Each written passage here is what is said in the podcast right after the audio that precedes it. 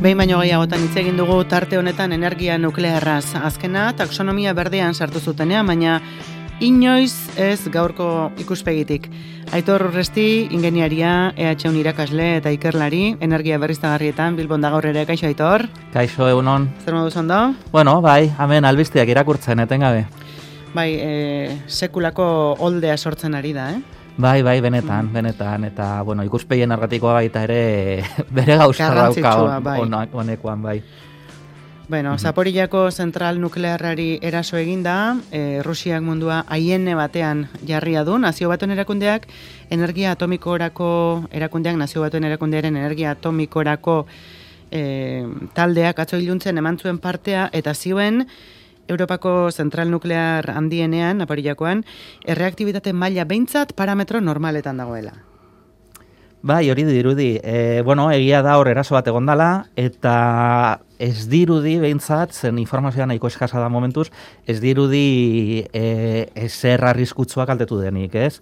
E, bat dirudi e, zei erreaktore dauzka zentral honenek eta erreaktore baten eraikinen zerbait e, kaltere bat e, egon omen dago eta gero bai zute bat egon dela, baina hori izan da beste eraikin baten, ikasketa zentro baten, nola baita esateko, hor dago simuladore bat eta beste eraikin hortan izan da. Orduan, bueno, oindik eren ikuste informazio gehiago ez daukagun artean, ba, pizkati bili behar garala jarraitzen eta eta hori besteak beste radioaktibitate mailak e, neurtzen, e, baina bueno, nik uste izan litekenetik, ba, ez dala ez dala larregi pasa. Eta zentrala bera, Europako handiena izatea ez gain, ba, Ukranian beintza laroiko hamarkadan eragiki zituzten gehienak, hori irakurri dugu, eta zentral honek 2008 arte zeukala baimena, baina han ere ba, beste hamar urterako mm, luzatu dutela. Zaharra izatea, hori alda arrisku erantxia edo arriskua jartzen dio nagaiari? E, bai, bai, a ber, e, hortze gauza asko e, lotzen dira, ez? Nik uste lehenengotan pentsatzen dugunean e, Soviet batasuneko zentral nuklear bat dala, ba, guztiok Txernobilen pentsatuko denukela, ez da teknologia horretakoa, eta Txernobilen gertatutakoa ez litzateke hemen gertatuko, ze, ze kasunetan ez dago e, grafitorik, eta, eta bueno, bestean gertatu zireneko beste elementu batzuk, ez? Baina alde batetik oso zentrala handia da, gainera, erreaktori guztiak, ze reaktori dira, eta bata bestearen algoan daude, eta hor kateatutako prozesuak baita ere gertatu litezke, bueno, ikusi behar, ez? E, hogeita mar urtetarako diseinatu ziren laro garren amarkadan. Hau da, ja, bere biziraupena ja beste amar urtetan lusatu da eta oraindik ere beste amar urtetarako. Hau arriskutzoa izan liteke, ba, bueno, besteak beste, badagigu materialak radioaktibitatearen menpean daudenean, e, nola baitze, e, e, askarrago sarkitzen dira, eta horrez dakiguna da, zenolako mantentzelanak egin diran, zenolako berritzeak, eta beraz, bakutzienez bai zalantza egon beharko litzatekela hauen adinarekin lotuta. Vale. Eta arriskuaz, beste nabarduranen bat? E, bueno, hemen pentsatu behar dugu baita ere e, zentral hau e, nahiko diseinu bitzia daukala, hau da, zentrala bera e, izau litzateke e, une honetan Europan e, daudeneko gehienak bezalakoa, bale? teknologikoki nahiko teknologia ezaguna da, arazo gutzi sortu dituna, e, baita ere adibidez Fukushiman beste e, alako erreferentzi bat jartzeko. Fukushiman hainbat erreaktore zeuden. E, matzuratu sana e, bazan beste teknologia zarrago batekua e, garoñaren berdina, baina beste hauek badira teknologia berriago batekuak, ez? Orduan hortze, e, arazori gaundiena izaulitzateke osketarako erabitzen da beneko sistema. Baina egia da beste e, sistema laguntzaile batzuk badauzkatela, badezpadan, emergentziaren e, baten aurrean, baina iko autonomoak diranak. Mhm. Orduan, bueno, e, baina hemen betiko zalantza, ez? E, benetan ez dakigunez, zenolako mantenduak yeah. e, eukituzten, e, nahikoia adineko e, zentralak dira, e, bueno, ban ikusteot, pixkat, uh, informazio gehiago daukagunean ba. hobeto jakingo dugula segertatu izan dan, ez? Zen besteak beste hor bi misil eh, jausi dira zaten dute izan dela biltegi baten, baina esaten dute izan dela e, e, ondakin nuklearren biltegiaren alboan. Ba, hortze, radiazio mailak igo ez badira badirudi ezerkaltetu ez dela, baina baita ere hori kezkagarria da baitzat, ez? Bueno, Greenpeace atzo egindako nabardura zen, eraso hoietan, importantea dela argindarrarena, esate baterako. E, argindarreteteak izango lukela eragina gero berotzean, eta horrek e, zabaldu dezakela akaso ondamendi handiago baterako atea. Ba, hori izan zen izatez Fukushiman gertatu izan dakoa. Vale, Fukushiman guztio pentsaten dugu hor e, olatu erraldoi bat etorri zala, eta hori izan zala arazoa ez, arazoa izan, izan zen e, olatu horrek lagungarri diraneko motore batzuk matzuratu zituztela, eta elektrizidadea baita ere eten zenez, ba hortze etorri zan arazoa, ez? E, hemen antzeko zerbait gertatu liteke, bueno, momentu zakiguna da, zei erreaktoretatik batek martzan jarretzen dagoela, izatez, e, bueno, parte bat bai, sarera botatzen dago, baina bereziki, bere barneko e, kontsumuetarako, e, zentralaren barneko kontsumuetarako. Orduan, horrek nolabaiteko lasaitasuna marko, eman beharko luke. Baita ere, osketa sistema e, ondo martzan jarretzen duela, e, esaten dute eta gainera beste erreaktori guztiak gelditutik gelditik daude ja. Mhm. Orduan hortze e, ez litzateke benetan arazo askorik gertatu beharko. Zapori joakoa zari gara, beste amalo ere badaude, Ukrainian. Bai, hori da, bueno, izatez, e, e, totalean amabost reaktore daude, baina hemen nuklearrekin e, nola e, gorputz bakoitza reaktore bat izango litzateke, e, esatearren e, lemoizen adibidez bi erreaktore zeuden egitekoak, e, eta orduan, guk dauzkaguna dira, itzon, eh? E, lau uh, zentral nuklear nola baitez, e, zaporian zei erreaktore daude, ah, vale. badago beste bat ego zentrala deitzen dana, edo Ukrania egoa, e, honek dauzka hiru erreaktore, gero izen polit bat, Egmelnitskik e, bi erreaktore dauzka, eta azkenekoa Rifnek lau erreaktore dauzka, ez? Alan daude banatuta, eta gero betikoa Txernobilek bere garaian, e, ja guztiz e, geldiri dagona, e, lau erreaktore zeuzkan, ez? Une honetan, Errusia ja badauka Txernobil, e, badauka Zaporia, eta badirudi aur dago zutabe bat e, ego zentralerantz mugitzen, baina ez dago argi, bere helburua ego zentral hau dotedan, edo buelta ematea eta e, odesara jutia. Orduan hortze, momentuz bai jarraitzen ari dela eta badirudi hogeita mar kilometrotara daudela beste zentral nuklear honetatik. Bueno, itor, zu energian zara aditua, etzara armagintzan aditua, baina Errusiaren potentzial nuklearraz ari garenean, ze dimentsiotako ez ari gara ze irakurri dugu adibidez, Hiroshimakoaren alako hogeita emezortziko indarra izango luken bat, izan dezakela eskuetan Errusiak bomba guztien ama. E, bai, a ber, Errusia gauza, besta gauza batzutarako agian teknologikoki ez dago horren aurreratuta, baina armagintzan izan liteke eta ebereziki armagintzan nuklearrean izan liteke unionetan e, mundu mailan aurreratuena dagona e, bada baita ere arsenala hundiena dauzkana, 6.000 bomba baino gehiago, estatu batuak 5.000 eta bosteun dauzko, orduan e, estatu batuak baino gehiago, izatez e, gehituko bagenu estatu batuak gehi, Europar batasuna bombak dauzkatenak dirala Frantzia eta Erresuma batua, Errusiak oraindik ere gehiago eukiko luke. Hm? Orduan, bada nahiko potentzia haundia.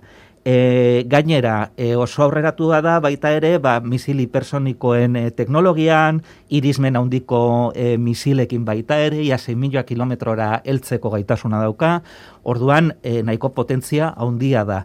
Baina gainera, Ukraniarekin lotuko bagenu eta Ukraniak e, e, armagintza nuklearrean eta Ukraniak bere garaian bat zeuskan e, misil nuklearrak. Zegertatu izan zen, Ukraniak bere independentziako akordioa sinatu zuenean, e, e akordio hortan besteak beste agertzen zan zelan Errusiak Ukrainaren e, soberanitasuna e, ziurtatuko e, lukela, e, segurtasuna baita ere emango ziola, eta nolabait segurtasun horren truke Ukrainak Errusiari bere arma, e, armamentu nuklearra ematen zion. Eta une honetan justu e, kontrakoa gertatu da, ez? Hau da, nolabait Errusiak akordio hori apurtu dau, eta Ukrainak ez dauka e, arma nuklearrik ba, akordio horren, horregatik, ez? Orduan nahiko egoera bitzia bada behintzat. Bueno, eta orain gatozen dependentziaren gaira, ze erabat adierazgarria izan da, Europar Batasunako herrialdeek suiz e, sistematik kanpo mm, Errusiako bankuak uste erabaki dutenean, bi ez dituztela kanpora utzi, justu gasa ordaintzeko erabiltzen dituzten bioiek. Bai, nahiko, nahiko bitzia da, ez? E, e, pentsatu behar dugu alde batetik e, gerra egoera baten gaudela, e, santzio batzuk e, ezartzen ari garela e, errusiarekiko, baina e, daukaguneko errusiarekin daukaguneko menpekotasuna dela eta nola guri bakalte gutzien sortzen dizkiguteneko e, neurriak esarri dira momentuz, ikusi behar, ez?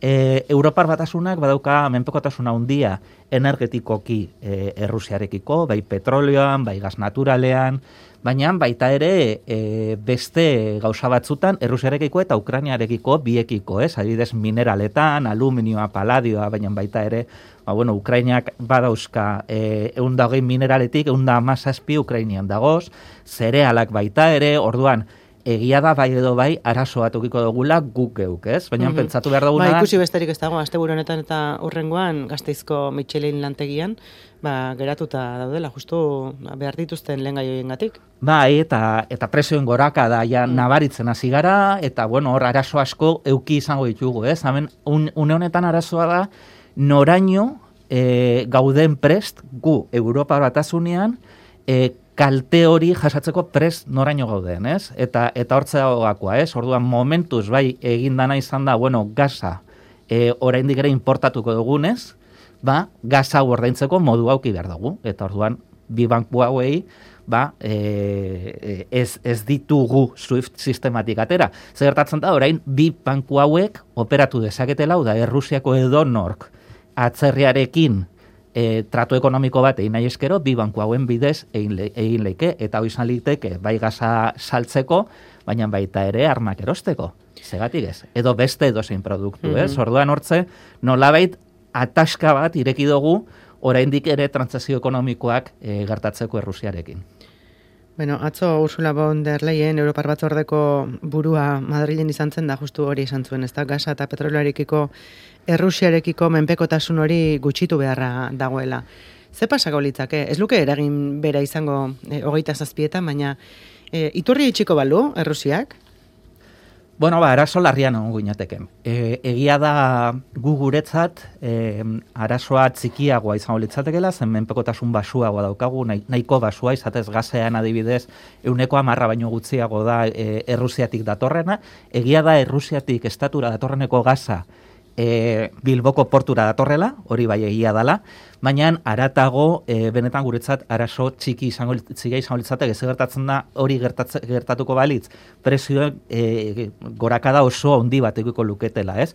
Baina badaude herrialde batzuk Europar batasunean, bastakita Alemania, Italia, e, beraiek kontsumitzen daudeneko gas naturalaren erdia baino gehiago, e, e, Errusiatik datorrela, baina beste bi kasutan abidez e, Txekiar Errepublikan eta uste Letonia dala euneko euna er, e, Errusiatik datorrela. Hortze bai, e, larrialdi egoeran egongo liratekela, ez? Ikusi behar da, e, norainoko abiaduran, e, nolabit ordezkatu ditzakegun une honetan dauzkaguneko e, gasornitzaileak. Baina danadan, egia da epe labur baterako, erreserba estrategiko batzuk daudela, Europar, mhm. eta horiek erabili ditzakegula. Orduan, bai, tentzia esan litzateke gehiago, prezioen gorakadagatik, ez eskaziagatik, baina aurrera begira, mm, urrengo bost, zei hilabeteetara, oraindik ere gaz naturala behar izango dugula, e, hortze, ba, bueno, ez dago horren argi benetan ordezkatu ote ditzakegun, e, e, Europako gaz eta petroleoko ornitzaileak behar dugun bezain askar. Erregaien prezioa gora eta gora egiten ari da. Ia bi euroan jarrita dago, gaur azkeneko igoera, irusentimo garestitu da. E, diesela eta bien bitartean, estatu batuak e, gaza ari dira Europara saltzen, euneko berrogei garestiago, Errusiak saldu hori duena baino, ala irakurri dugu prensa ekonomikoan. Bai, bueno, baina hau izan da, izatez, eh, Europa, eh, parkatu mundu mailako eh, igoera eh, bat, ez da bakarrik eh, estatu batuen eh, eh, prezioen goraka da, baita ere Arabiara bagoaz, edo Europa kornitzaiek baita ere, azkenean daude alako erreferentziako prezio, eh, mundu mailako prezio batzuk, eta horiek erabiltzen dira, e, salmentako akordietara heltzeko, ez? Orduan, bai agian behiratu dezakegula estatu batuek zen garesti e, saltzen duten e, gasori, baina baita ere behiratu geinke, ba ez dakit, e, Norvegiak edo e, Gineak ze presiotan e, saltzen ari diren eta ikusiko dugu ziurrenik baita ere e, handiago altua izango dela. Mm Bueno, eta tartean, em, ze pauso ematen ari dira Errusiako konpainietan, ze batetik, em, Nord Stream bi eraiki zuen enpresa, ja ondoratzen hasita dago, eta bestalde, adibes Lukoil konpainiari da mesez elgarrezketekin aurrera egiteko pausuak eta eskatuz? Bai, bai, a ber, Nord Stream bi e, gasodukto honek hasiera hasieratik ja e, nahiko salantzan dagoneko proiektu bat izan da. Orduan e, ez da harritzekoa justu hone, une honetan e, amaituta eta martzan jartzeko basala. Eta ja Alemaniekin e, baimenetarako eta ja arasoak sortzen hasiak ziren, e, justo gurra, e, gudasi, ba, argi dago, mm, hau bertan berak gelituko dela, hainbat urtetarako eta ikusi beharko da etorkizunean hau martzan jartzen otean edo ez, mm, hori zaulitzateke lehenengoa. E, bigarrena egia da, e, Putinen inguruko ba, oligarkak deitzen dira, ez? E, bai. estatu mailan enpresarioak esaten dugu, hauek oligarkak dira. E, berdin dio, ez? E, bere inguruko aberatz batzuek, ja hasi dira nolabet presionatzen. Hemen, zalantzak, laro, izabalitzateke, benetan zergaitik egiten ote da ben e, benetan gerraren kontra daudelako edota e, beraien e, aberastasuna ba, kolokan dagolako, ez? Luko, ez erantzun aitor. Ez, ez, ez, ez, ez dakit izatez, e, baina nik uste dut zalantza hori euki badakoagula, ez? Hmm. Baina, bueno, ongi etorria bintzatolako presio bat baitare, barnego presio bat egotea Putinen aurka. Bueno, hemen utziko dugu gaurkoa, entzule batek aidean Zintzilik utzitako galdera batekin eta energia berriztagarriak noizko? Aitor horresti, ama bostegun barru, segiko dugu. Ama bostegun barru.